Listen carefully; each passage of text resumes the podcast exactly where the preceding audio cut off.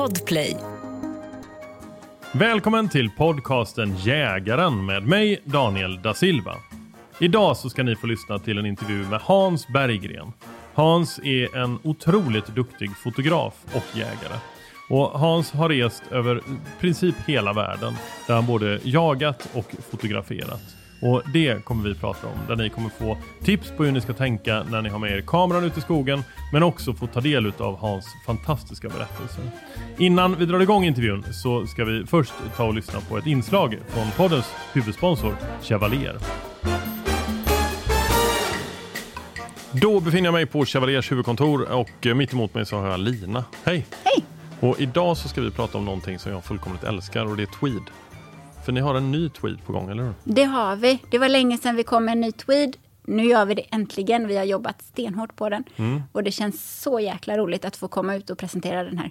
Och för er som inte vet vad en tweed är så är det lite mer ja, men det liksom dressad eh, fågeljakts... Eh, det, det är breaks, alltså eh, lite kortare byxor som slutar vid, vid stöveln ungefär. Ja. Eh, och så väst och, och kavaj då. Precis, precis. Så det är ett litet, ett litet minisortiment. Mm. Eh, Och vi gör det en för dam och en för herr. Mm. Och vi har ju haft stort fokus på dels på tyget och eh, tagit fram precis den här gröna nyansen som är väldigt speciell men som, som det är det som har efterfrågats. Mm. Eh, som vi har jobbat tillsammans med våran eh, tweed-leverantör på. Den är Och, supersnygg. eh, Alltså, den är ju lite ljusare i tonen på något sätt. Precis. Och känns precis. ganska, ja men den känns lite så här, inte somrig, men den, den känns lätt liksom. Det, exakt, den är Mm. ganska så mild. Och jag tycker att det är en... Den är så bra på så många sätt. Dels är den ju fantastisk i den här jaktsituationen. Mm. Men den är också väldigt användbar utanför jakten skulle jag säga. Kavajen Mm. till exempel är ju superfin att ha till jeans eller chinos. Både på våren och på sommaren. Eftersom att den har den här lite krispiga färgen. Men sen har ni lite dolda eh, här, funktionaliteter i den också, eller? Ja men precis, det är ju jätteviktigt att, den är, att det är ett funktionsplagg. För det är ju det det är. Eh, Så västen till exempel, på herrvästen har vi gjort en, eh, en liten ficka i fodret där du kan stoppa in ett rekylskydd om du inte vill skylta med att du vill ha det. Eh, Dambyxan har vi satt en mudd ner till eh, för att inte få det här kalldraget som kan bli mellan stövel och byxa annars eh, när, man, när det glipar där. Utan nu går mudden ner i stöveln, det blir varmt och skönt även lite kallare dagar. Eh, ja men grymt, den är verkligen superfin. Och om jag fattar rätt så heter herrtweeden Wiston och eh, för dam så heter den Advi. Det stämmer, Då ska man hålla koll eh, på er sajt efter dem helt enkelt. det tycker jag ni ska göra.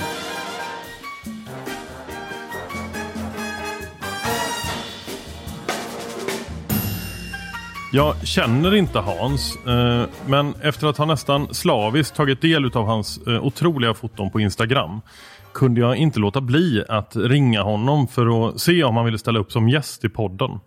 Självklart så kan man inte förstå någon genom ett Instagramflöde så med stor sannolikhet har jag kanske fel nu när jag ska presentera honom. Och då är det tur att Hans är här för att kunna berätta med egna ord.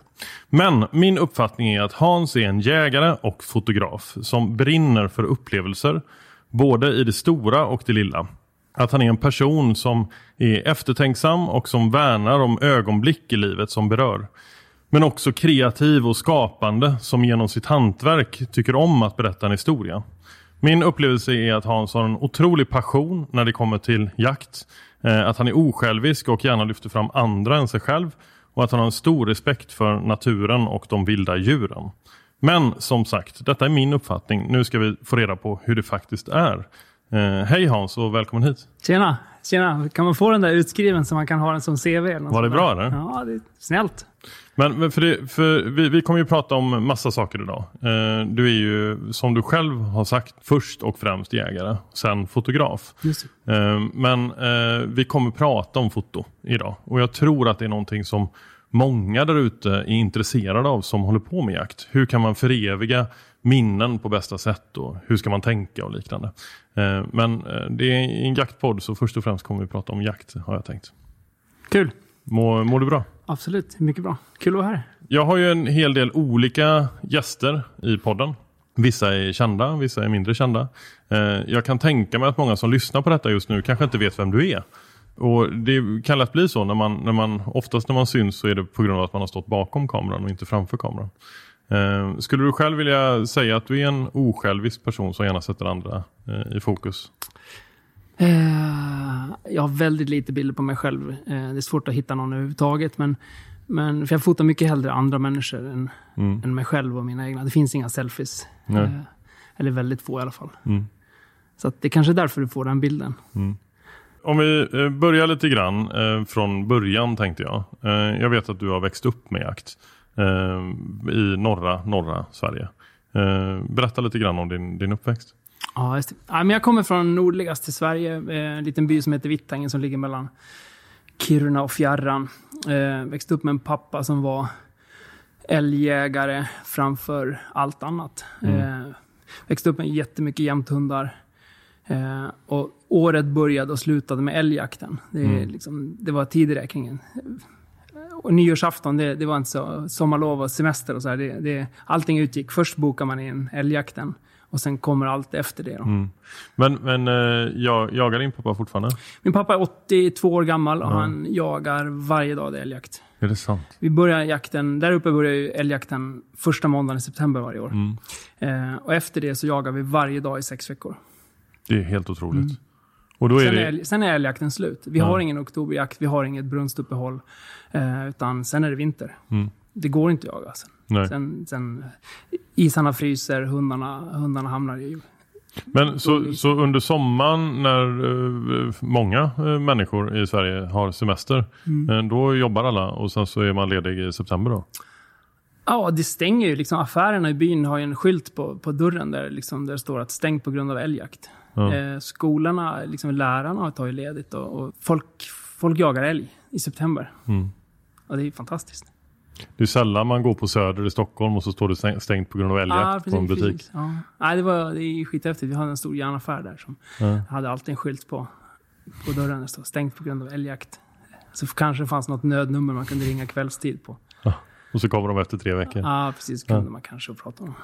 Och, och, och hur var det då när du var liten? Då, då hängde du med. Var, när, när var du med första gången? Var du så här pytteliten eller? Nej, men älgjakten har ju alltid varit. Jag har ju växt upp med de här samtalen hemma. Liksom. Det, det, har, det har snackats älgjakt eh, alltid, hela tiden. Liksom. Det, det snackas hundar och det rings. Pappa har ju suttit i telefon. Liksom. Man har överhört alla de här samtalen. Alla gubbar som kommer och pratar älgjakt. Och det är det enda som finns att jaga. Här nere när man jagar, då finns det älg, kronhjort, dovhjort, vildsvin, äh, vildsvin, räv, hare, allt möjligt samtidigt. Där uppe jagar man älg. Det finns skogsfågel att jaga, men det finns ju inget annat. Eh, så det är det man, det är det man jagar. Och, och nu, nu för tiden då? Eh, åker du fortfarande upp på älgjakten i september?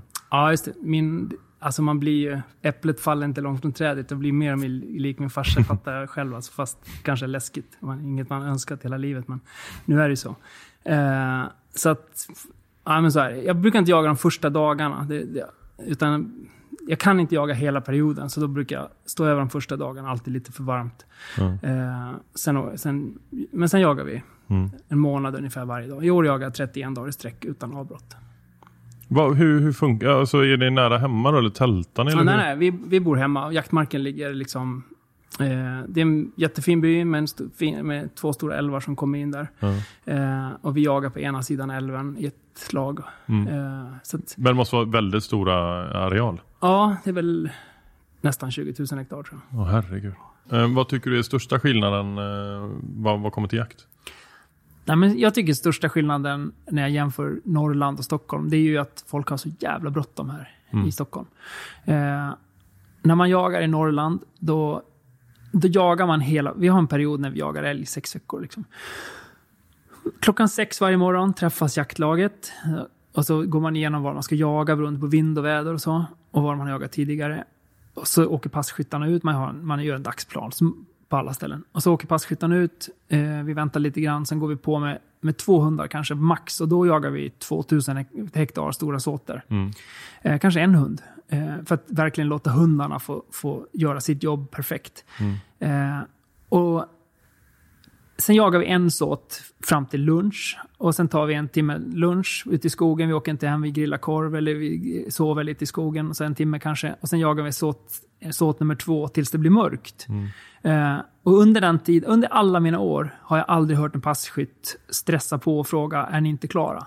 Eh, utan jakten pågår i sex veckor. Liksom. De har ingen brådska. Ingen har bråttom. Eh, man, man jagar liksom, man, man ger värde åt, åt hundjakten, man, ger, man, man tar tid, det tar den tid det tar. Eh, jakt är ingen actionsport. Jakt tar en jävla tid och det är det som också gör, gör här, att göra film som ska vara mycket action. Ja. Det är skitsvårt för att jakt är ingen action, actionsport. Det kan bli fruktansvärt mycket action om du står inne i ett ris och det blir ståndskall på ett vildsvin eller på något annat och det kan komma jättemycket djur och du kan skjuta änder flera hundra om dagen. Mm. Det är ju action, alltså det är ju jättemycket action. Men jakt överlag är ju ingen actionsport. Och, där, och det har ju förändrats och framförallt förändras det här runt i södra Sverige där det är mer djur och där det är mer, folk har bråttom. Eh, det är väl jätteofta man har liksom kommit ut i skogen, skjutit ett djur vid fyra tiden. Då kan inte folk vara med och hämta ut det ur skogen för de har parmiddag. Men jag måste vara hemma halv fem. Mm. Alltså det är så här, jag måste dra. Ja, men vem ska göra resten då? Mm. Alltså det skulle aldrig hända när man jagar där, Nej. där hemma. Eh, man jagar tills man är klar och allt, jakten tar den tid det tar. Men hur, hur, eh, jag tror att du nämnde när vi pratade innan inspelningen här, eh, att du har ungefär 100 jaktdagar per år. Alltså det, jag dra, drog till med hundra, men, men det är garanterat, och det beror väl på hur man räknar. Eh, om man, alltså det är mycket så här, man jagar på hösten, eller på sommaren när det är vildsvinsjakt varenda Ja. jävla kväll. Liksom. Man ska hjälpa bönderna. Och, och då åker man ut tre timmar, skjuter en gris på fälten och sen en annan dag är det duvjakt två timmar på lunchen. Och någon annan dag är det liksom, jagar man kanske råbock innan, innan man åker till jobbet och så vidare. Så att Mm. om, om man räknar en, en, en sån dag som jaktdag, då är det säkert 100 jaktdagar. Ja. Eh, räknar man älgjaktsdagar när man stiger upp klockan sex och kommer hem klockan 12 på natten, då, då är det 31. Ja.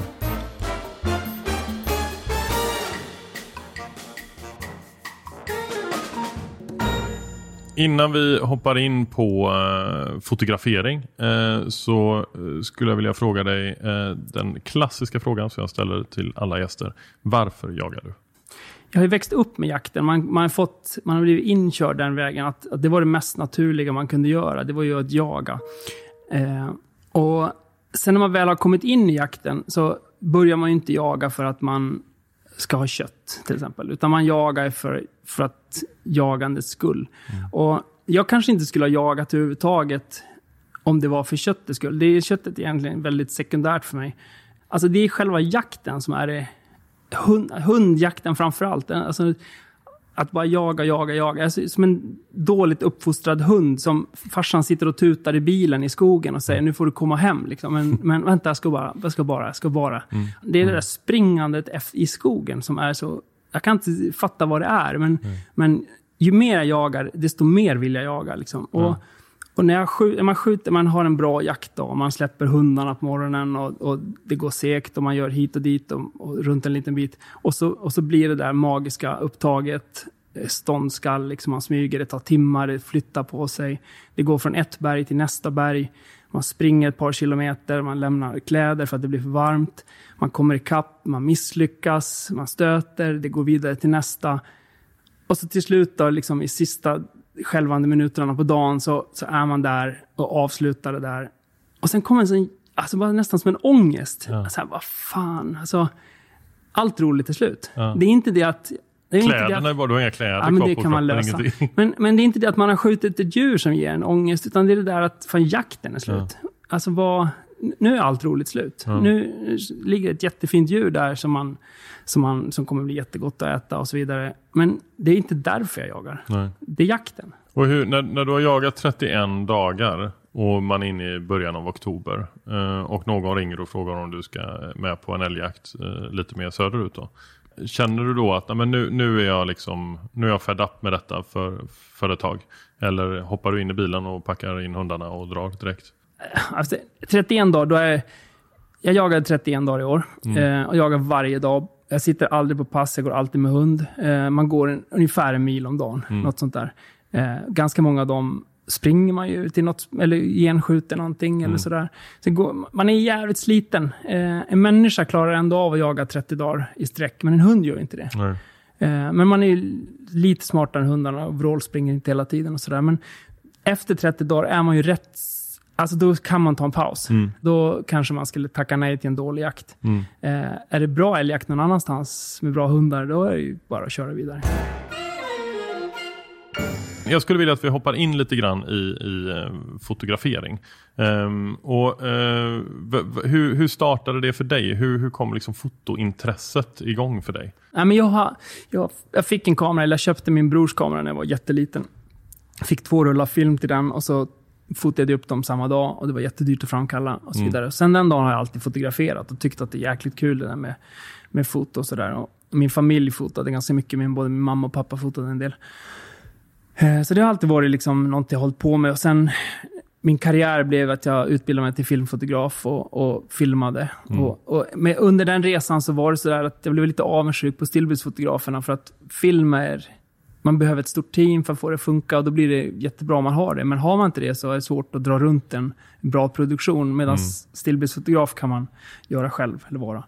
Eh, så jag blev både och, stillbildsfotograf vanligt och jobbade som reklamfotograf. Då. Och, och jag vet att ditt, ditt, uh, du, du fotar ju väldigt mycket jakt men framförallt så fotar du andra saker också, reklamkampanjer och liknande. Uh, och jag kan tänka mig att jaktdelen av fotograferingen kanske inte är liksom den bärande rent lukrativt, men, men har jag fel? Nej, men jag, alltså, jag är ju reklamfotograf, eller fotograf och filmfotograf. Och jag hade aldrig en tanke på att jag skulle börja fota jakt. Det, okay. det, jag, jag, var jägare och jagade. Det var en, ett, ett intresse och det andra var ett yrke. Mm. Eh, och den där hade jag aldrig en tanke på att slå ihop. Dels förstod jag aldrig att det skulle finnas någon marknad för det. Och, och jag såg aldrig liksom anledningen varför man skulle fota jakt heller. Tills jag en dag läste en tidning som heter Big Game, som Tobias Bestelid hade startat i Sverige. Som jag tycker var en fantastisk tidning. Mm. Eh, och när jag läste den och såg bilderna framför allt. Tobias gjorde ett genidrag där han tog med icke-jägande fotografer. Mm. De fotograferna som plåtade första numret var, hade aldrig jagat. Eh, utan de kom från, från tidningsbranschen och, och tillförde någonting, ett nytt bildspråk, ett nytt, någonting nytt. Mm. Eh, och det var fantastiskt fint. Eh, de berättade på ett sätt som, som man inte hade berättat jakt tidigare. Mm. Eh, och då kände jag, fan det här ska man göra något bra av. Eh, så jag kontaktade Tobias och hade ett eget case. Hade en ytlig bekant eh, som heter Eva Bromé som, som mm. hade en, ja, hon hade en intressant, intressant story. Mm. Eh, så vi åkte upp till henne och gjorde ett älgjaktsjobb uppe i fjällen. Mm. Där började egentligen min, min jaktfotograferingsbana. Okay.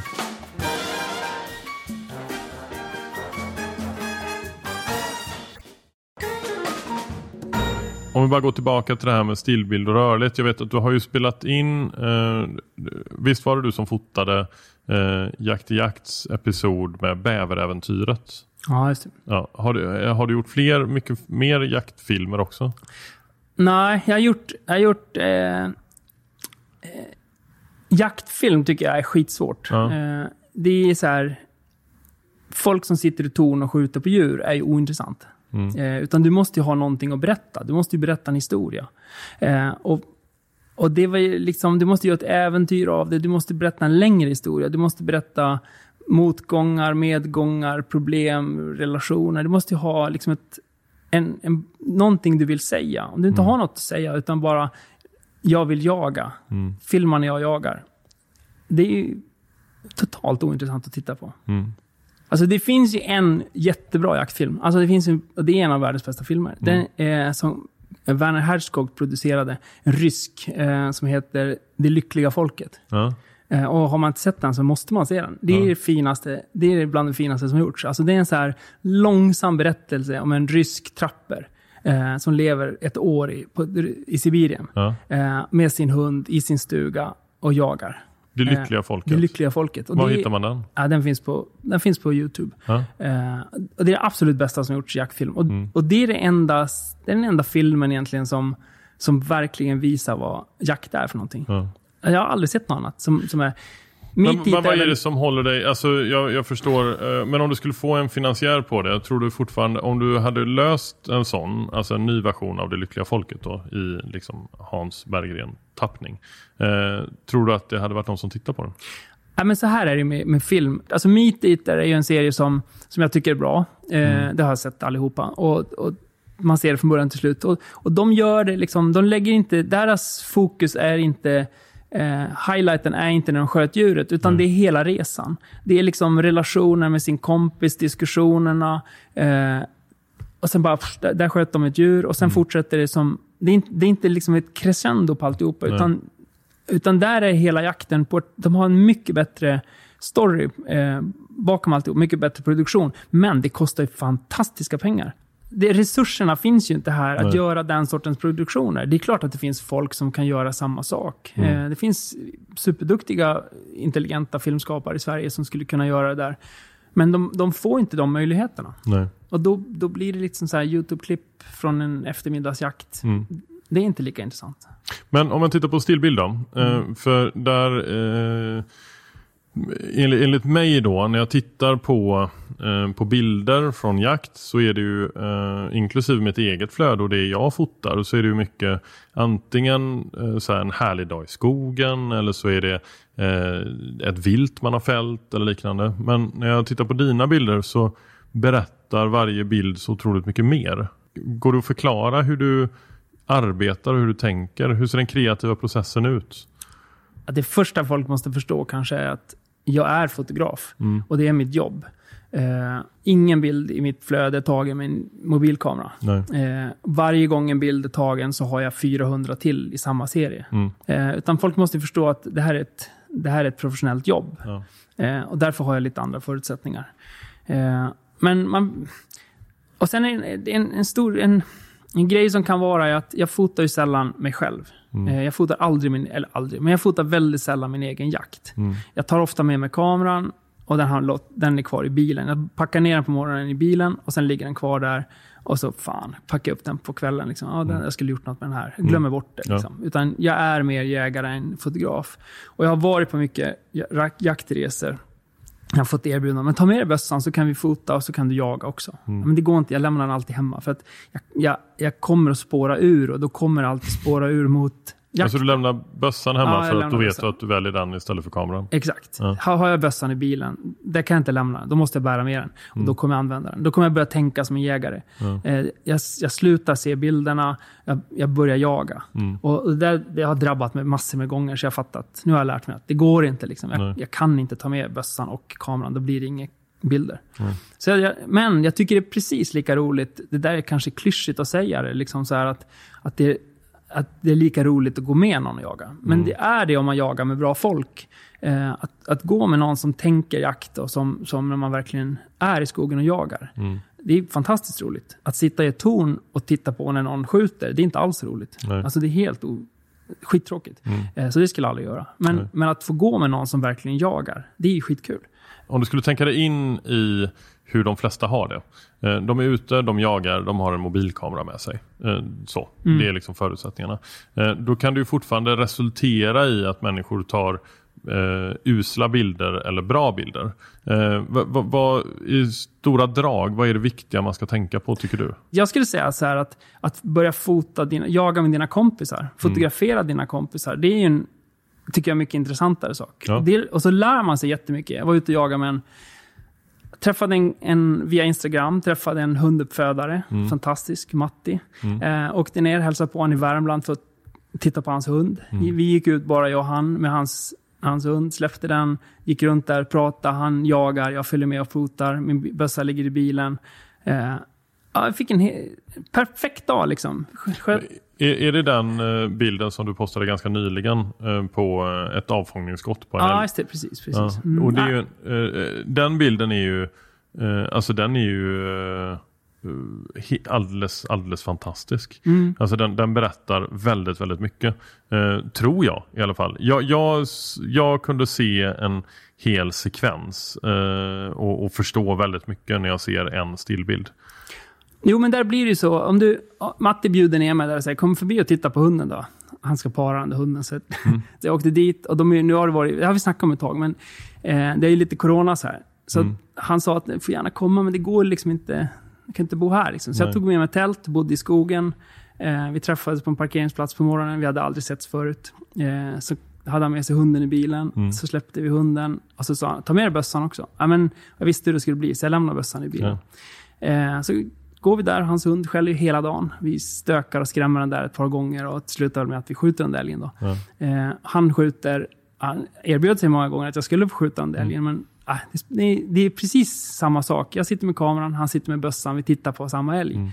Eh, och då kan man ju fokusera på att göra bilder också. På ett helt annat sätt än om man skulle fota sin egen jakt. För bilden i sig är ju tagen precis när han kommer fram till älgen och eh, det är ett avfångningsskott på älgen. Eh, samtidigt som man håller undan sin hund och det ryker om sk- skottet liksom. Va, det, det är ju, när man förklarar det så så kan man förstå att väldigt många som hade tagit en bild i det läget då hade det blivit en makaber bild som man absolut inte skulle lägga upp i sociala medier. Men den bilden du har tagit är ju eh, ja, men jag tycker den är helt fantastisk. Ja, men tack. Men det är också så här, där är ju så här, jag tar ju inte en bild. Nej. Det, och det, tar man bara en bild så, så blir det ju... Att träffa rätt är ju, är ju svårt. Så att du måste ju ta många bilder. Så att ett tips är ju så här, ta många bilder. Ta mycket liksom, för att välja det som ser bäst ut. Och där kommer man till det där, en, en diskussion som hela tiden drivs i jägarkretsar är ju, vad ska vi visa för bilder? Ja. Och, och då säger jägarna så här, ja men vi, vi kan visa, det är helt naturligt, det är det här vi gör. Vi skjuter älgar, älgarna dör och det kommer blod. Eh, och vi har vapen och det ryker och så vidare. Eh, men det finaste jag gjort i hela mitt liv, det är liksom att få barn. Eh, man får barn och det är det absolut vackraste och finaste ögonblicket i mitt liv. Men det är ingenting jag tar bilder på. Nej. Och även om man skulle ta en bild så är det ingenting jag visar någon annan. Nej. Det är ingenting någon vill se. Eh, utan det finns saker som är naturligt och vackert och fantastiskt. Men det passar inte på bild. Nej. Och så är det med jakt också. Eh, jakt är absolut det naturligaste vi har. Vi är människorna vi är för att vi är jägare.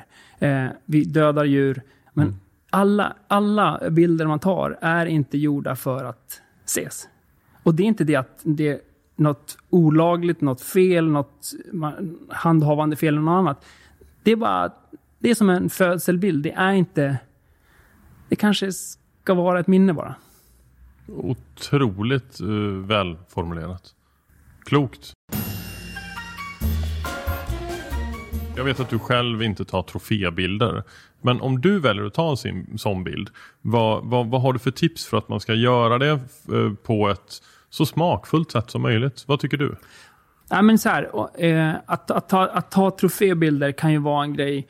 Jag tar inga trofébilder på mig själv. Nej. i stort sett. Eh, men man, kommer kanske, man kanske har en dröm eh, om att åka till Nya Zeeland och jaga bergsjätter. Och det har varit en dröm under superlång tid. Och man åker dit och man är där i en vecka och jagar varje dag. Eh, och man tar bilder på soluppgångar, solnedgångar, strapatser, berg, detaljer, fotspår, alltihopa. Liksom, matlagning, kompisar och så vidare. Och att, att man då i det skedet inte ska ta en bild på sig själv med sitt drömdjur är ju konstigt. Det är klart, jag har själv varit i exakt den situationen. Och, när, och det är kanske en av de gångerna jag har tagit mest bilder på mig själv med ett dött djur. Liksom. Eh, men man måste ju, även i det läget liksom tänka bara på att göra lite smakfullt. Eh, hur, och jag brukar tänka så här, när jag ska ta en bild på ett dött djur, vare sig någon är med på bilden eller inte. Om det var jag som var död, hur skulle jag själv vilja vara på bild? Jag skulle inte vilja ha- en gubbe som sitter på mig. Eller som, som drar mig ena benet, liksom ovärdigt. Så här. Men ligger man där bland vackra blommor och slutat sina dagar, så är väl inte det liksom hela världen. Eh, så att jag tänker så här att man... Hur skulle jag själv vilja bli porträtterad som död? Eh, och så tar jag bilderna. Det känns som, alltså, det är ju ditt yrke såklart, men du har ju tänkt några varv, märker man. Nej, men jakt, jakt är ju så här, jag tycker vi lever ju under, alltså, vi lever under press som jägare. Eh, jag tror att lång, vi kommer kunna jaga under lång tid, men vi kommer inte ha mindre motståndare. Nej. Utan vi lever hela tiden under ett, under tryck att, att vi måste göra rätt, vi måste bete oss rätt, vi måste uppträda rätt och så vidare. Och då måste vi allihopa för våra efterkommande tänka till hur, hur uppför vi oss, hur porträtteras vi, hur beter vi oss och så vidare. För att vi ska kunna fortsätta och nästa generation ska kunna fortsätta. Eh, och därför tycker jag att vi ska inte skapa saker som är mer bränsle på en dålig debatt. Utan gör tvärtom, visa upp en positiv sida. Och Ta, visa inga, jag brukar säga till mina bilder, ta inga bilder på er själv eller på några kompisar som ni inte kan visa för era föräldrar, klasskompisar eller någon annan som hittar er telefon. Om, det, om det inte finns de bilderna så kan det aldrig bli ett problem. Nej. Eh, och så tänker jag lite som jägare också att ja, ta bilder som alla kan titta på. Mm. Annars är de ointressanta. Eh, om man tittar på bildkomposition, eh, går det liksom på, på med några få ord berätta om hur man bör tänka i olika situationer? Nej, men folk frågar om komposition, är, är, det är tekniskt, men, men, eller en känsla. Eh, men när folk frågar om hur man gör bra bilder, så vad, vad det är som gör en bra bild, så brukar jag skoja lite grann om man säger att alltså en bild är 40% miljö, 20% modeller, 20% ljus, 10% fotograf och resten är tur. Lite grann, alltså miljön är ju superviktig i en bild. Så att om man, om man går, när, vi har gjort jaktjobb till exempel, då har vi ju så här stigit upp i mörkret eh, och så fotar vi i första ljuset. Då kanske vi till och med inte ens jagar. Alltså, jo, det gör vi. Men jag menar, vi, vi, brä, vi bränner jakten genom att jag springer lite bredvid och så vidare. Vi smyger inte jättemycket, utan eh, man plåtar i det bästa ljuset. Man plåtar morgon och kväll, för då är, det, då är det ett vackrare ljus. Och man gör det på de platserna som är fina. Och när man har miljön och ljuset och man har modellerna. Och sen fotar man alltid motljus. Alltså det, det största felet folk gör, det är så här att de har läst en fotobok där det står fota med solen snett in från dina axlar, liksom, eller snett bakifrån. Och då blir det svintråkigt. Du, du får lite mer färg, men du tappar all dynamik. Vad sa du? Man ska alltid fota i motljus? Alltid motljus. Ju hårdare motljus du kan fota, desto bättre är det. Och ju lägre solen kommer, desto mer skiner den in i linserna. Och desto mer movie magic blir det. Så att allt, man fotar allt. Kolla igenom mitt Instagramkonto, du kommer inte hitta en bild i medljus. Det är Men till hur, när du fotar... hur, hur gör du då? Alltså går det, fun- nu har ju du liksom prylar därefter. Men för att få bra eh, ljus på modellen som Mm. du kallar det då. För modellen antar jag kan vara en jägare eller en, eh, en patron eller Just en blomma eller ett djur. Eh, och hur gör du för att det inte bara blir en silhuett? Nej, men du... Vad är viktigast i bilden? Ibland kan ju det vara en silhuett. Mm. Och ibland kan det vara mörk i ansiktet. De behöver inte vara, du behöver inte se allt. Du vet Nej. ju vad det är i alla fall. Eh, och ska du fota en, en hand eller en fjäder eller fjädrar på en fågel eller så här, så är det alltid snyggare i motljus. Då blir det lite kontrast. Det blir Mm. Det är lite... ett supertips ja. Ja, men det är kanske mitt bästa tips till alla. Mm. Och är bilden för mörk, men vrid upp, ratt, gör den lite ljusare. Mm. Det finns en plus minus ratt på alla kameror. Liksom. Det gäller bara att hitta den. Så att, så att det blir så som du Mm. vill ha det. Ta många bilder, titta att det är okej. Och Det är klart att en quick snap är ju svår. Om du, om du aldrig gör det här och tar upp din kamera och ska fota en motljusbild, så tar, kommer det ta jättelång tid innan du har gjort det. Men när du har lärt dig var, hur man gör, då, då eh, kommer det bli bra. Och det är ju så här, när jag går och fotar så kommer jag till ett skogsparti, jag kommer över en åker, tar en bild rätt ut i bara, över åkern. Så här. Och skulle det hända någonting så måste kameran vara inställd färdigt. Så jag tar en bild, kollar på exponeringen och ser att jag, är- att jag är hemma. Eh, ställer skärpan där jag tror att det kommer hända. Är det liksom borta i skogskanten det kommer hända eller är det på jägaren det kommer hända? Är det fasaner som flyger upp, då kanske det ska vara där. Liksom. Så att man har kameran redan klar för det man tror ska hända. Eh, sen kommer man in i en granskog, då är det en helt annat ljus. Då har du kolsvart. Eh, och så, då, då ställer du om alla rattar och allting för att bilden ska gå att ta in i en granskog. Så då tar jag en testbild igen in i granskogen, kollar att allting funkar, att det ser bra ut. Då är man beredd att ta en bild där. Man kan inte vänta tills det händer. Liksom. Utan man, man ställer om kameran så att den hela tiden är redo. Och det där är ju det som är svårt om, om du jagar och har den där i en ryggsäck. Ja, så ser du någonting häftigt. Ja, det står ett lodjur där. Liksom. Hur fan ska du fota det då? Det, tar ju, det kommer ju vara borta innan du har fått upp din kamera. Nej, men så, så miljön är jätteviktigt, ljuset är jätteviktigt, modellerna är de du har. Liksom. Eh, motljus. pratar lite utrustning. Eh, går, går ifrån mobilkamerabilder. Eh, om, eh, vad, vad har du själv när du är ute? Eh, nej, men jag har två kameror. En med ett eh, teleobjektiv, 70-200. Ja. 2,8, ganska bra bländare. Eh, och sen har jag en kamera med en vidvinkel, fast vidvinkel med väldigt kort skärpedjup. En 35 mm fast. Och Eh, det, det är för närbilder då? Alltså Ja, på för jägaren? allting. Eller? Nej, inte närbilder. För allting. Liksom. Det andra är bara så här om man ser någonting som händer långt bort eller du vill ta någon detalj eller så vidare. Ja. Eh, den andra foto, fot, alltså 35 mm är ju the shit. Mm. Eh, det fotar man allt med. Och sen ett jättebra ljusstyrka, typ 1,8 eller 1,8 ja, 1,8 kanske. Mm. Det är billiga gluggar också. Eh, de, är, de är billiga och, Mm. och bra. Eh, då kan du fota i totalt mörker. Eh, Så de två har jag. Sen har jag packa-objektiv i, i ryggsäcken som man, som man bär med sig. Men, men det jag använder mest är en 35 och en 70-200. Och när du ser, om det händer någonting på 80 meters håll. Mm, och 200. du fot, ja, men, men om du då drar upp eh, 35 mm, det är den du har i handen. Eh, Det springer ut något eh, över en, eh, eh, ja, någon liten, en skjutgata liksom. Går det med 35 mm objektiv att då få en bra bild där? Eller för Nej, det, bilden är ju bra som den är. Ja. Eh, och det är, folk tror så här att fotan är ett rådjur, då ska jag ha hela rådjuret i bild. Och det är Ja. bara ett rådjur och en åker du ser. Men det är inte så du ser det i verkligheten. Du ser en hel skog, eller en hel åker. Ja. Och där ute i ett hörn av åkern så står ett rådjur. Ja. Då fotar man den likadant. Mm. Alltså, man vill ju se hela åkern och ett litet rådjur. Man ska inte vara rädd för att fota små gubbar i stora miljöer. Alltså fota upplevelsen. Fota hela som det ser ut. Eh, ett stort berg med en liten gubbe på ger ju känslan av äventyr. Fan, men där sätter du fingret på någonting, eh, för mig i alla fall. Eh, För, för där, jag tänker ju helt tvärtom. Alltså jag är ju inne på det du säger. Alltså jag ser ju en detalj som jag vill fånga eh, i det stora. Och då vill jag komma så nära som möjligt och så håller man på med det där. Eh, Men när jag tittar på mycket av de bilderna du har tagit så är det ju just det jag gillar med dem. Det är ju att jag förstår sammanhanget. Och det är ju ofta på grund av den totala miljön på bilden. Just det. Och det är, folk är ju rädd för, folk tror att man måste komma så nära allting för att det ska bli en bra bild.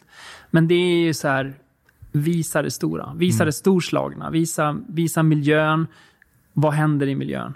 Och, och det är också så här, om du, om du fotar, det är, varför folk kanske gillar mina bilder är att de är ganska anonyma. Det är inte ett up your face liksom. Det är inte den här personen som är på berget. Utan när du tittar på den där bilden på en gubbe som sitter på en häst på en silhuettrygg så här. Så skulle det kunna vara du. Och då får du en känsla av att shit, där skulle jag vara, vilja vara. Och ta bilder där man känner, där skulle jag vilja vara. Och apropå då, där skulle jag vilja vara.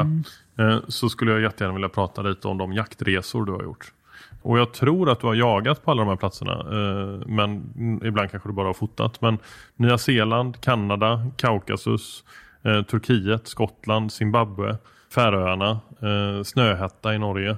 Vill du berätta lite grann om, om någon av de här platserna kanske? Oj, det är, många, det är en historia runt alla de där egentligen. så här. Många, alltså, jag började jobba med Big Game. Vi började i Sverige. Vi jobbade uppe i, Västerbotten och gjorde svensk jakt. Eh, även ganska exotisk svensk jakt med fjäll, jakt i fjällen på älg och så vidare. Eh, men sen Big Game var en tidning som skulle visa världens bästa jakter. Det kunde vara kaninjakt på Gotland. Det kunde vara fågel, billig fågeljakt i Skottland. Det kunde vara alla möjliga jakter, men det kunde det, bra jakt. Eh, inte en troféjakt, inte Nej. stora troféer, utan bara bra jakt var tanken. Eh, och det ledde ju att vi, vi hamnade på massa bra ställen. Eh, vi åkte till Kanada, vi, vi satt i en kanot, eller en gummibåt i tio dagar. Jagade svartbjörn, eh, vi har varit i Afrika, vi har varit och jagat i Australien. Så det, det tog oss runt på massa, massa olika ställen. Eh, Kanada, eh, eh, nu tar jag minnet här då, men eh, där är en, en väldigt härlig bild som du har tagit på eh, han du reste med, eh, som kan heta Pontus. Pontus. Ja, eh, som eh, käkar lunch. Eh, och sen så på andra sidan ån så ser man något mörkt eh, och det är en björn som är där. Ja, just. Nej, men hela Kanadaresan var helt fantastisk på det sättet att eh, någon som vi hade kontakt med hade gjort en liknande älgjakt för 25 år sedan. Eh, och sa att för nu, hade de fått bilda, nu hade han fyllt 60 hade han gjort, och så hade sparat ihop till en resa och jaga björn på samma sätt i Kanada. Och jag vet inte hur vi hamnade med på den där resan, men det var, ett, det var någon deal som gjorde att vi kunde åka med. Eh, och när vi ska köpa den där resan så, så visar det sig att han som äger bolaget har sålt det precis till en, en annan kille. Eh, så han, han har aldrig gjort en enda guidad tur hela sitt liv. Okej. Utan vi är de första. Ja. Eh, och den för, de som hade åkt tidigare, eller kört det här tidigare, de, de hade kört sex mil upp efter en flod med helikopter, lämnat av två kanoter, paddla ner på tio dagar. Men den här killen, han skulle spara lite pengar och hade tittat lite noggrannare på kartan. Så han såg att 23 mil upp efter den här floden, där finns en sjö. Där ska man kunna landa med sjöflygplan och gummibåtar. Så vi flög upp dit, 23 mil. Eh, och då var vi, tre, var två mil utanför eh, delstatsgränsen. Så att vi skulle på eftermiddagen skulle vi i alla fall vara nere i delstaten och kunna börja jaga. För vi fick inte jaga i den andra delstaten. Och efter tre dagar, då var vi fortfarande inte inne i delstaten. Då, hade vi, då hade vi inte kommit två mil. Eh, vi hade 21 mil kvar. Och ni paddlade då? Ja, vi paddlade. Men vi drog de här gummibåtarna. Det var för lite vatten i floden. Eh, floden var för liten. Sjön var stor så vi kunde landa, men vi kom liksom ingenstans. Och ni var, ni var smått förbannade på den här guiden då kan jag tänka Ja, mig. då blev det, ju- efter, efter tre dagar blev det myteri. Liksom. Ja. Då, då stoppade vi och så, då slutade vi hjälpa till. Liksom. Då satt vi där i båtarna och väntade på att, att han skulle fatta att det här funkar inte. Vi hade Nej. fortfarande inte kommit in och kunnat ladda bössorna. Eh, och, och jag hade plan att passa, så vi ska hem och vi Ja, fattade att vi kommer aldrig i närheten. Vi kommer aldrig komma hem. Det går inte. Eh, så då blev det lite myteri och så sa vi att nu får du lösa det här. Ja, hur ska jag lösa det, tyckte han. Ja, men beställ en helikopter. Så att efter mycket övertalande där så fick han beställa in en helikopter, flyga upp, hämta oss, eh, flyga ner oss dit till eh, så vi kunde börja jaga. Floden var större, fanns mer vatten och det fanns mycket björn.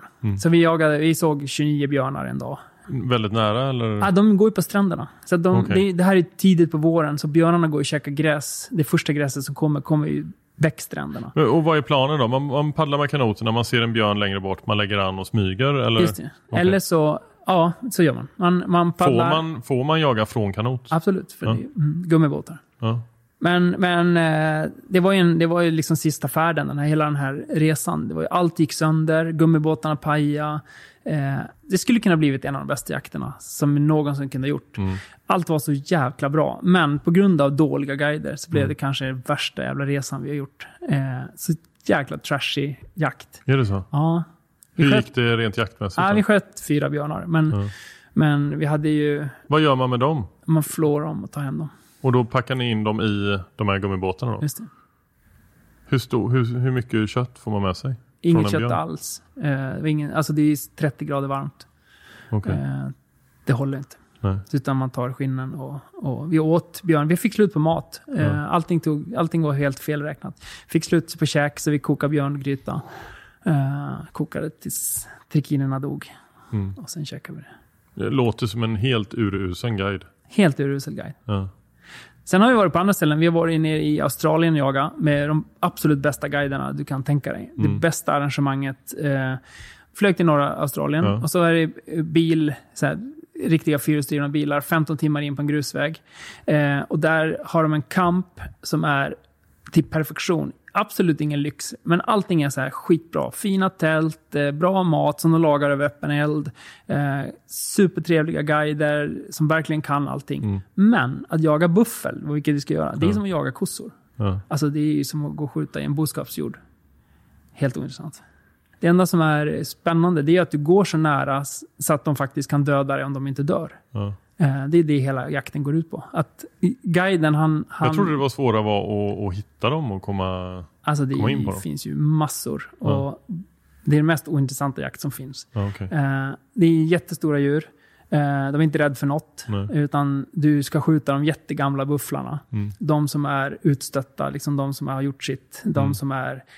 Så man, det är ju verkligen managementjakt. Att man, man tar överskottet, de som Mm. har passerat allt. Liksom. Man letar upp de vattenbufflarna och, och smyger in på dem så här farligt nära. Mm. Den vi sköt, sköt vi kanske på 15 meter. Eh, och de dör ju inte. Alltså Nej. de, de, de, du får skjuta ordentligt på dem. Var du rädd? Nej. Nej. Eh, men eh, nej, men det, de har ju gevär. Liksom. Alltså, jag, det här är ju inte första gången jag frågar någon i podden, är, var du rädd? Men alltså, det, alla säger alltid bara nej. Alltså på allt med björn och vad fan det än är. Jag är ju skiträdd. Alltså, och, men, men det verkar inte som om jag är den enda som Ja. är det. Nej, men... Eh, alltså det där, om du Har frågar... du aldrig varit rädd? Eller är det mer att du är rädd för liksom, miljön och naturen i så fall? Men, men aldrig för... Men man har ju gevär. Alltså det var, alltså, om du vet hur de funkar och... Ja. Alltså du är ju så överlägsen på, alltså, på något sätt. Jag, jag, jag, har en gång, jag släppte mina hundar en gång och så to- tog de upp, vi hade, vi hade gått över en bäck, jag och min bror, och så eh, gick vi över en bäck och så släppte jag en jämthund. Vi hade varsin. Eh, och så släppte jag en jämthund och så tog den, och så tog den bara några minuter och drog på sök direkt. Eh, och, så, och så började den skälla väldigt, väldigt nära. Mm. Eh, på andra sidan en myr. Och, det, och vinden låg så att det gick liksom inte att komma runt den här myren på något sätt. Utan jag var, för att kunna gå upp i vind på den där älgen så, så var jag tvungen att gå över den här myren. Mm. Och det förstod jag ju ganska snart att det var, den stod en dunge på andra sidan. Att den här älgen kommer se mig direkt när jag går över den här myren och Mm. skena. Så att jag skickade upp min plastbrorsa liksom upp efter bäcken och han ställde sig på ett skitbra pass och där stod han. Mm. Och så sa jag, gå upp dit du, smyg upp dit du och ställ dig där på pass. Så går jag på den här, för det var min hund liksom. Så skrämmer jag upp den här älgen. Den kommer ju skrämmas på dig. Så går den på dig och så får du skjuta den. Ja, det var en bra idé liksom. Och så kommer jag till den myren och så ser jag att fan myren är så här, den är inte så jävla blöt. Utan den är så här tjock mossa, björnmossa liksom. Det här, det här kan man kanske krypa i. För att jag var ju ändå inte sugen på att skrämma den här älgen till honom. Utan jag, ville, jag ville skjuta den själv. Liksom. Så jag började så här småkrypa och säga, fan det här går ju skit. Jag kan åla mig bakom några buskar. Liksom. Så helt plötsligt var jag inne på kanske 30 meter på den här, i den här busken, liksom, där älgen står och hunden skäller. Och då kom jag på, fan, när vi, innan bäcken var det inte vår mark. Så att jag hade inte laddat bössan. Så jag låg där på rygg med blasen och hade inga, kolla, hade jag laddat? Nej, jag hade inga skott i. Satan. Så upp med, med skotten ur fickorna och så låg jag på rygg och så laddade jag i den där och laddade en blas. Är det ju lite så här, En Klonkigt. R93 då eller? ja, en R8. R8, okej. Och så drar jag, drar jag i skotten där. Liksom. Eh, ja, så fortsätter jag krypa. Och så var jag väl inne på 20 meter, kanske 15 meter på den där ha- du hade ingen läge på 30? Nej, och, och det är då, alltså det, det är så jävla tätt liksom. Ja. Jag, jag, och jag var bakom några åsar sådär. Sen jag kommer in där på ett 15-20 meter i den där mossan på mage. Så ser jag hunden stå och skäller. Och tittar och ser fan inte älgen. Och då slår det mig, det här är ingen älg. Det här är en björn. Ja. Och då, och då känner jag så här, jag ligger på mage i mossa och det är 15 meter till en björn. Eh, Det är klart att det är en allvarlig situation. Mm. En björn är ju på mig på 15 meter på några sekunder. Alltså Mm. det, det tar inte lång tid för den att komma till mig om han vill det. Eh, Men jag har ju fortfarande ett gevär med mycket krut och kulor i. Mm. Så att det är farligare för björnen än för mig. Mm. Så det är inte särskilt att man blir rädd, att jag känner att fan jag måste härifrån. Eh, då är en dålig situation, är det, men jag är inte rädd för mitt eget liv. Liksom. Men vad, vad hände då? Jag ställde mig upp, där stod björnen och såg mig då när jag ställde mig upp. Och som tur var så sprang den rakt på min bror då istället. Så att han, Okej, han hoppade åt sidan. tur för dig i alla fall. Ja, Ja. precis. Men han, så han såg också björnen? Det. Men i sådana situationer är det ju att man, man, det är inte så att man blir rädd. Man Mm. bara inser stundens Allvaret, allvar ja. och känner att mm, det här får man vara försiktig. Alltså det, det är en ganska allvarlig situation. Ehm, jag, skulle vilja eh, prata om eh, Adana i Turkiet. Ja. För de miljöerna är ju något av det sjukaste jag har sett. Mm. Det såg hur coolt ut som helst. Jo, och då... Nej men det är snyggt. Adana är ju skitsnyggt. Det är skitbranta berg och, och så. Och, och där kommer jag också så här att i en så här... äh, Jag brukar tänka det med fotograferandet att när man... Det är lite fusk liksom när miljön är så snygg. Okej. Alltså det är ju så här, det är klart att det är lättare att göra en, en tio bilder i Adana i Turkiet på en Mm. ibex-jakt än att göra tio bilder på en eh, kråkjakt i Malung. Mm. Alltså det blir ju så exotiskt. Mm. Hur, hur var jakten då? Alltså det är väldigt eh, branta berg. Mm. Eh, man åkte bil, eh, man kom till olika spots där de liksom, som var hotspots och så gick man från bilarna upp och så var det mycket kikarspaning och så satt man av ett område, en dalgång. Alltså man ser ju miltals liksom. Eh, och så kikar man av det där eh, området och så ser man om man ser några djur. Är det djur så är det rätt djur så smyger man på dem. Ja. Men är det fel djur så går man tillbaka till bilen och så åker man till nästa ställe och så gör man samma sak. Och det är lite trist. Liksom. Eh, Motsatsen där är ju till, vi var i Azerbajdzjan och jagade. Mhm. Och då hoppar man in i en rysk militärbil Mm. som man kör i en flod och så får man liksom kasta vatten på motorn för att den inte kyler. Mm. Eh, och sen kommer man till en liten farm där man hoppar på hästar och så red vi i tio dagar, tio dygn i Mm. bergen. Och vi såg väl fem djur på tio dagar liksom. Ja. Och vi skulle hem den tionde dagen. Så. Mm. Och efter nio dagar när vi fortfarande inte haft ett enda jakttillfälle, inte en enda... Alltså vi hade inte sett ett skit. Vi hade ridit upp och ner och upp och ner. Vi hade ridit så jäkla mycket. Eh, och inte sett någonting. Så sista, sista kvällen så kom vi till ett ställe där, där vi såg djur som passerade över ett bergspass på 4000 meters höjd. Mm. Eh, Så ta- sista chansen var liksom att de djuren skulle komma tillbaka. Så upp där på morgonen sista dagen, eh, satte oss där och väntade gryningen på 4000 meter.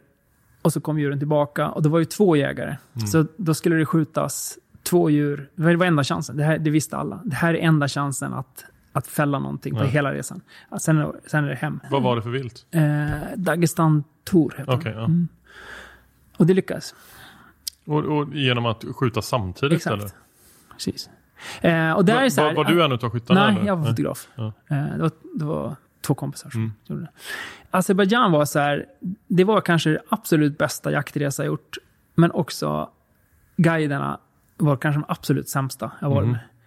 Vi hade så här... Det är ju inte en miljö där man vill ha en dålig guide. Nej, det är inte en miljö. Eh, man, kunde, man red ju på nätterna och då, vi fick ju de sämsta hästarna, vi var sämsta ryttarna. Mm. De, och de, de red ju iväg och så försvinner de i mörkret så här och så sitter man där på sin häst mitt i natten på svinbranta berg och så undrar man vart man ska och så försöker man lysa runt där med en pannlampa och man ser ingenting. Det är bara, bara klippor överallt. Alltså vi ser ingenting. Det är bara... Så man släpper tyglarna lite grann och hästen, ja, bara, jag går till mina kompisar. Och så kommer den... Tick, tick, tick, tick, tick. De är så jävla fina liksom. Så de, de hittar ju stigen där i mörkret. Så efter en tag så kommer man, för en halvtimme senare, så kommer man fram, då sitter guiden och röker någonstans. Och så fort man kommer hoppar av, då hoppar de på hästen och drar igen. Ja, men det var så här... Det låter ju helt sjukt. Ja, helt sjukt. Jag- jag- Men de var duktiga, alltså de var ju duktiga bergs, de var duktigt bergsfolk, Mm. duktiga jägare. Eh, men hade liksom ingen koll på hur man, eh, hur man ska guida en jakt. Nej. Men eh, om vi ska avsluta jaktresor-biten så skulle jag jättegärna vilja att du pratar lite grann om Nya Zeeland. Eh, vad, vad var det ni jagade då? Ja, men hela re- resan till Nya Zeeland eh, är en ganska rolig historia. De, Nya Zeeland har alltid varit mitt drömmål. Jag har varit där två gånger tidigare. Eh, bara för att turista och, och så. Eh, och känt att fan, till Nya Zeeland vill jag åka tillbaka. Hit, här vill man vara och här vill man jaga. Mm. Eh, och de har ju en bergsget som heter Tar, Mm. Himalayan Tar, som är importerad dit som någon present en gång i tiden när landet skapades. Och det, och det finns liksom 5 000 i resten av världen och det finns 30 000 i Nya Zeeland. Så det är ett Mm. fantastiskt överflöd av dem. Mm. Eh, och det där har varit en dröm för mig att få åka och jaga. Så blossar upp en het debatt i, i Nya Zeeland att, att eh, regeringen hade beslutat att de där skulle skjutas bort. De skulle liksom minskas drastiskt till så lite som möjligt. Eh, och Jägarförbundet som inte finns i Nya Zeeland, eh, de, de, de, har fri jakt. Du, Mm. du får jaga, både som utlänning och inföding, så får du jaga vad du vill, när du vill, hur du vill och hur mycket du vill. Och det Mhm. kostar ingenting, det är gratis. Du kan åka till Nya Zeeland, jaga året runt, vad du vill. På statens mark. Och det är hur mycket mark som helst. Allt är gratis. Alltså, vad, vad, vad, vad sitter du och säger? Ja, det, det är så. är det så? Det är så. Du går in på ett, på, på, eh, ett kontor, registrerar dig, får en karta. Och det är, hur mycket, alltså det är så mycket land så du, du kan inte... Det är helt ofattbart mycket land. Mm. Och du får skjuta alla arter, hur många du vill, när du vill på året. Det finns inga jakttider, det finns inga eh, tilldelningar, det finns ingenting. Det är bara skjut. Allt är invasivt. Till alla lyssnare där ute så är detta tyvärr sista eh, poddavsnittet. För jag, jag kommer åka till Nya Zeeland nu.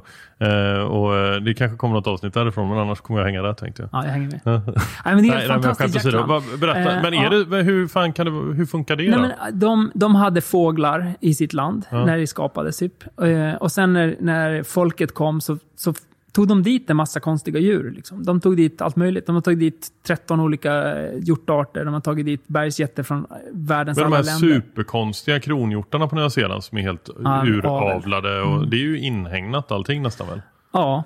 Allt, alltså, det är så, folk är så dumma i huvudet när de tror att det där är vilda djur. Liksom. Ja. Men de är ju svinduktiga. Det finns inga som är så duktiga på avel som nyzeeländarna. Ja, men de ser helt kon... De, ser ju, Mm, de är helt ja. sönderavlade. Men, men däremot eh, så menar du då att det är fri tillgång till det vilda och att jaga det? Alla hjortar, allting är, fri tillgång om det är statens mark.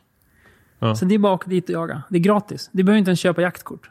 De har inget jägarförbund i Nya Men Zeeland. hur, hur, och hur funkar det för arterna då? Är det, alltså, det här är ju jätteintressant. Mm. eh, vad- som händer om vissa arter försvinner och hur det, hur det funkar med om det inte finns någon form av förvaltning alls. Ja, just det. det här är ju en hel podd, en hel podd bara det. Ja. Eh, nej, men det är ju, visst är det så. Eh, men allt, eftersom allt är invasivt och konkurrerar med, med deras inhemska fåglar, de här små Ja. kiwifåglarna, liksom, som är det enda de egentligen vill ha kvar. Mm. Eh, så har man, och naturen är så jävla hård. Så det är inte som här att du kan åka runt med, med bil och, och liksom jaga. Det, det gör, kan de ju också, men där är alla djur borta. Utan Mm. du får ju åka in i bergen där det, där det, är, liksom, där det är wilderness. Mm. Där, är berg, där det kanske tar två dagar att gå in och två dagar, gå ut och sen får du försöka jaga där. Mm. Du kan röra dig två kilometer på en dag, kanske max. Liksom. Men där är ju massa djur. Mm. Och där får du jaga hur mycket du vill. Men eh, i alla fall, eh, de har inget jägarförbund i Nya Zeeland.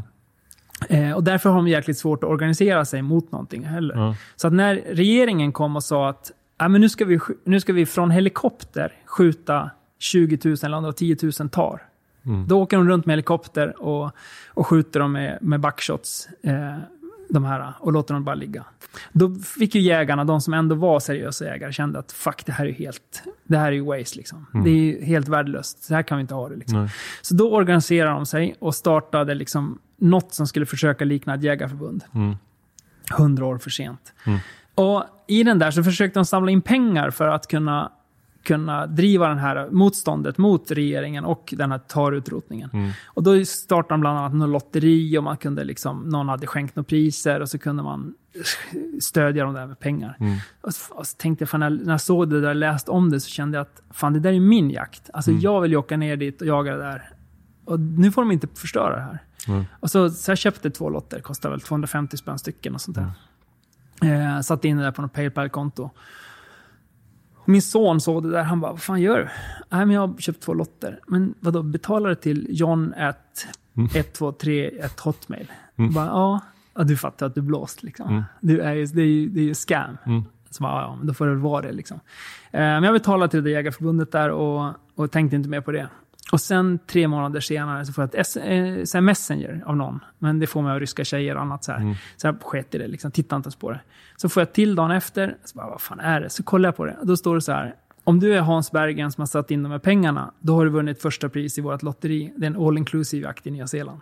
Men det är inte Eh, klokt. Nej, det är inte klokt. Nej. Ja. Så att, eh, jag flög till Nya Zeeland och träffade en kille som hämtade mig på flygplatsen som då var superengagerad i den här frågan. Och Ja. Han hade skänkt sin egen jakt. Han hade skänkt sin tid att, att guida någon Mm. på en veckas jakt i den mest otillgängliga marken i Nya Zeeland. Så vi flög ut med helikopter. Helikopterbolag hade betalt eh, transporten. Mm. Så vi flög ut, bodde i en dal som, som egentligen inte får jagas. Eh, utan det första året man kunde jaga det. Det hade de öppnat för Det var att... inte statens mark? Jo, det är statens mark. Ja. Eh, men det var en sen naturreservat. Ja. Och den hade de öppnat bara för att nu är det för mycket tar. Så då Mm. måste man jaga även dem. Mm. Så vi hamnade där, rent tarparadis. Eh, jagade där, bodde i tält, jagade där tio dagar. Och där, där, du har ju knäppt några bilder där som Mm. Jag vet också har blivit omslagsbilder i eh, internationella tidningar. Ja, det var ett uppslag i Nya Zeeland att en svensk hade betalt in pengar Mm. till ett jägarförbund i Nya Zeeland. Mm. Eh, det, så de gjorde ett ganska stort reportage på det där i, Mm. i två nyzeeländska tidningar. Och Tyskland och Amerika. Och det har gått på ma- massa olika ställen. Och, de, eh, och de blev ganska glada också när den där svensken också var en duktig fotograf. Då. Ja, kanske. Jag har ju knappt jagat utomlands. Eh, men, men jag har några eh, resmål som jag, jag skulle jättegärna vilja åka till Afrika någon gång. Ehm, och, eh, men framförallt just nu så känner jag att jag skulle åka till Skottland. Eh, det har varit jättekul. Eh, fågeljakt i Skottland. Just det. Eh, och det har du också varit på. Mm. Alltså Skottland är skitballt. För det är så här, ja men lätt att jaga. Allting är civiliserat, bra guider, de är, de är proffsiga på arrangemang, det finns mycket djur. Det är, Det finns ju någonting runt mat. omkring alltså som jag eh, som jag verkligen skulle uppleva och det är ju det här ja, men hur man klär sig och vad man käkar och hur man Just bor. Och, alltså man, och det, för mig så är det ju så filmiskt men jag skulle, vilja, jag skulle verkligen vilja se det. Eh, och, och naturupplevelserna måste ju vara helt fantastiska och det är ju inte så långt bort. Nej, och det du, det du är inne på där tycker jag är, det är ju, alltså jakt ska ju vara, alltså jakt är ju inte paradbilden Nej, absolut fram, inte. på slutet liksom framför verandan. Utan att åka iväg, att jaga med polare, äta god mat, eh, uppleva nya ställen, eh, nya djur, lära sig ny jakt. Eh, det är fantastiskt. Mm. Och, och en sak som är med de här, alltså jag har åkt runt och, och fotat i hela världen. Jag, kommer, jag kommer från en liten by i Norrland, Mm. uppfödd älgjägare. Eh, vi hade Lantmannakapsar och Helly Hansen-tröjor. Liksom, och, Mm. så. Eh, och sen kommer man till Skottland eh, och jagar i tweed. Eh, slips, skjorta. Eh, man kommer till Azerbajdzjan, där har de inte råd att köpa mat till gästerna utan de fuskar med det, hoppas att man klarar sig.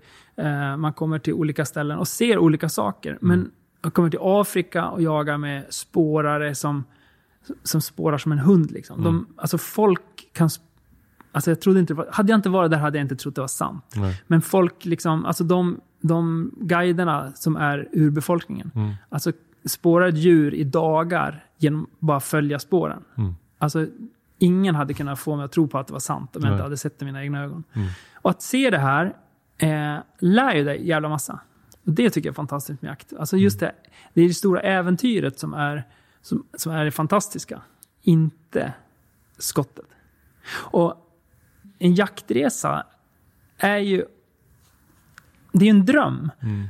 Man, man, om man drömmer om någonting, då vill man liksom man vill drömma om det. Mm. Man vill planera. Man vill tjäna, eh, spara pengarna. Man vill googla prylarna. Man vill googla guiderna. Man vill eh, köpa kängorna. Man vill köpa ryggsäcken, skjortan. Eh, man vill liksom skjuta in bössan. Man vill övningsskjuta. Eh, man vill göra alltihopa. Man vill inte ha en bössa i handen och säga för 30 000 kan du skjuta ett djur här rakt fram. Nej. Du får ett världens billigaste djur. Nej. Men det är helt ointressant. Ja, visst. Jag håller För det är liksom, med. Det är din det du säger om Skottland. Du vill åka till Skottland. Vem ska du åka med? Vad ska du ha med? Mm. Mm. Vilken bössa? Hur, Du måste börja övningsskjuta lerduvor.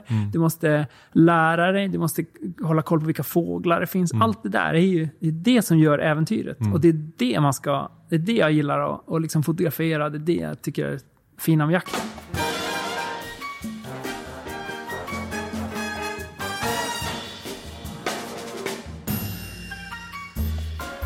Vad skulle jag säga att du har för drömmar då? Eh, om du blickar framåt. Så, du har upplevt väldigt mycket, du har varit på många platser och så vidare. Eh, vad, vad har du kvar?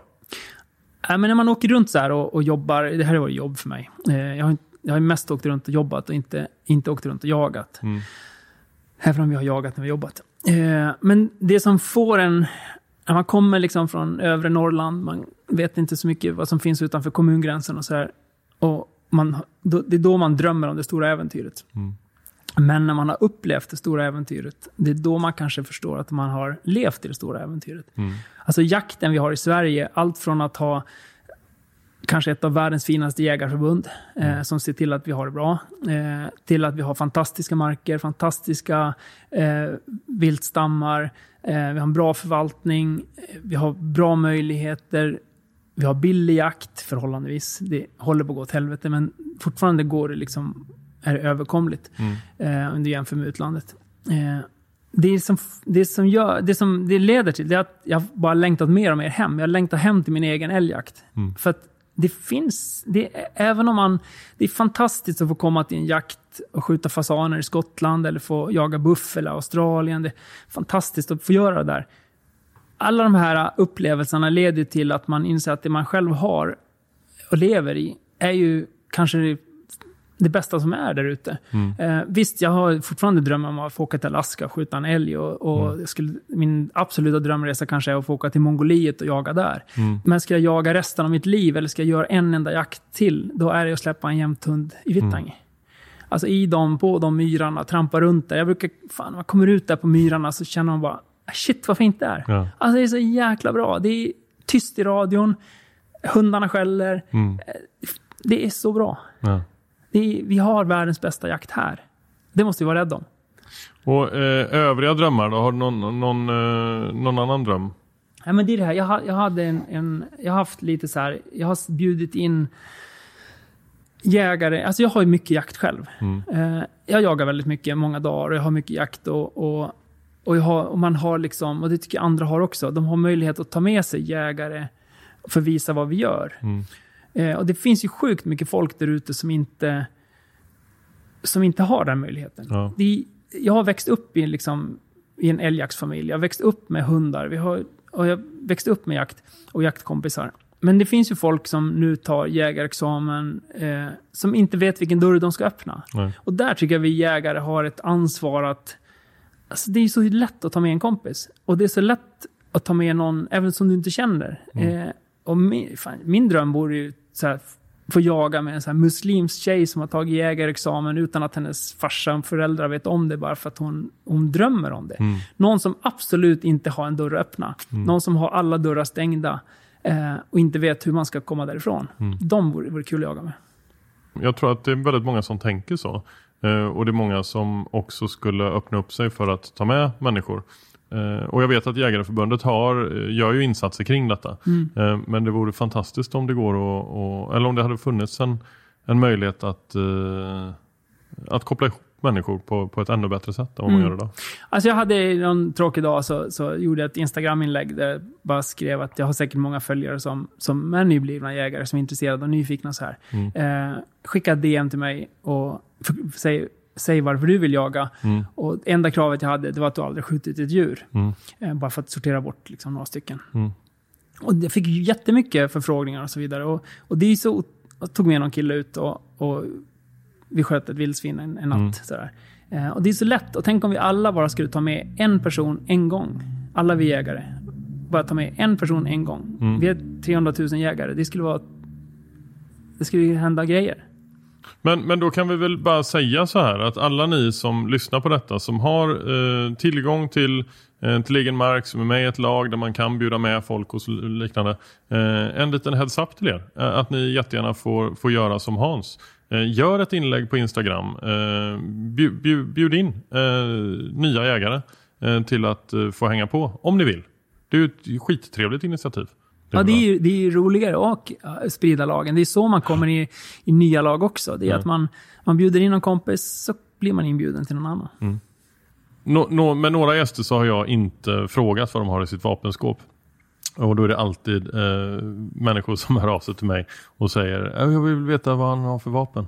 Eh, så, så jag tänkte jag ska försöka bättra på den här säsongen och, och kom, försöka komma ihåg det.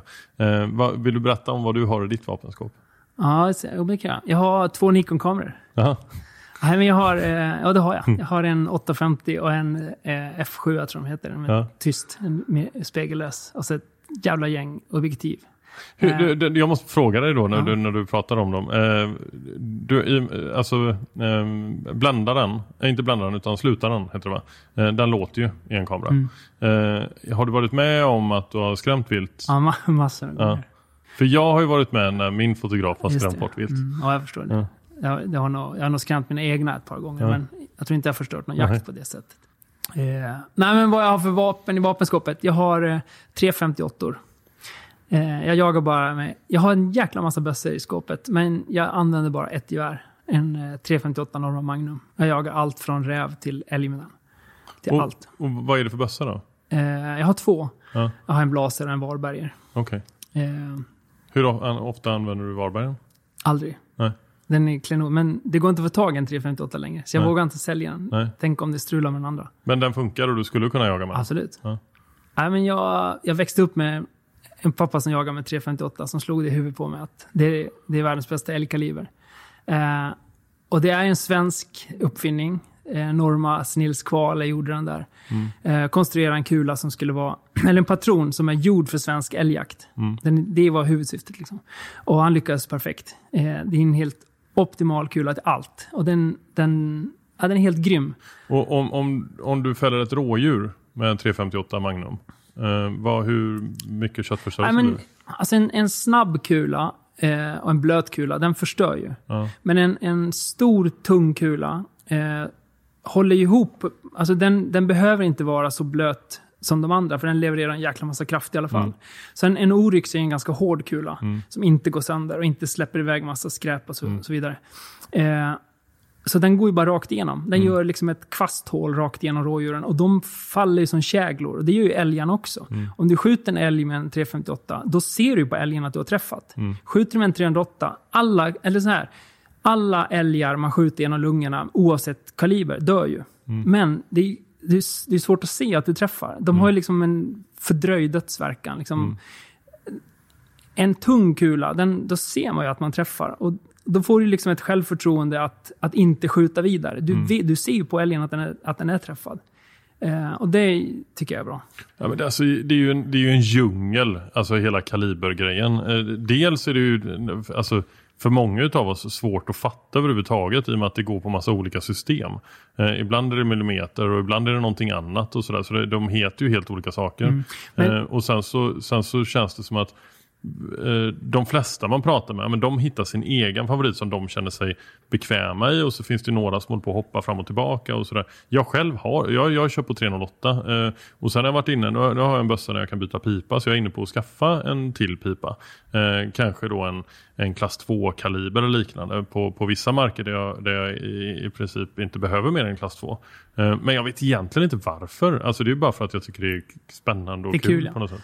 Alltså jag skulle aldrig någonsin rekommendera en, en ny jägare att köpa en 358. Nej. Det vore som att slå hål i huvudet på, på honom. Liksom. Ja. Eh, alltså man blir ju, det skulle bli skotträdd direkt. Ja. Eh, det går inte att övningsskjuta med dem. Hur, hur grov är liksom knallen om det jämför med en, en, en 9-3? Ja, men nästan, det är nästan samma kula. Ja. Eh, fast det är mycket mer krut. Ja. Eh, liksom att, att lära sig skjuta med en grov kaliber är inget bra. Utan Mm. man ska ju, alltså, alla som, är, som, är, som frågar vad ska jag köpa för någonting? 308 eller 3006, Mm. det är perfekt. Liksom. Eh, det här är ju en, alltså det här är ju en själ. Det, sitter, Mm. det, är, det, är det är inte hjärnan som har valt det, det är hjärtat som har valt Mm. det här. Liksom. Men det är en fantastisk kaliber. Ja, men, men du har hittat din grej och det är din, eh, din farsa eh, använder den och använder fortfarande eller? Ja, just det. I 83 eller hur gammal var han? Farsan är 82. 82? Mm. Brorsan använder den. Ja. Alla använder den. Det är Det som är synd är att det finns ingen som tillverkar vapen till dem. Nej. Så att jag har gjort en egen pipa till blasen. Jaha. Så att man behöver egentligen, i jaktskåpen behöver man bara ett gevär. Ja. Även om jag har fyllt det med vapen så, har, så är det bara ett som betyder något. Mm. Men du, eh, men hagel då? Jag har en blaser. Okej.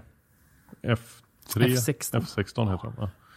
Det, det andra är inte så intressant. Alltså det, jag, jag försöker vara tyst här nu bara Ja. att slippa prata om de andra vapnen. För att Det är 358 det är som gäller. 358. Jag har två. Ja. Två En i reserv och en som jag använder. Ja. Fantastiskt. Men då har du liksom eh, du har två i skåpet och då har du ungefär 50% av de, de som finns i Sverige.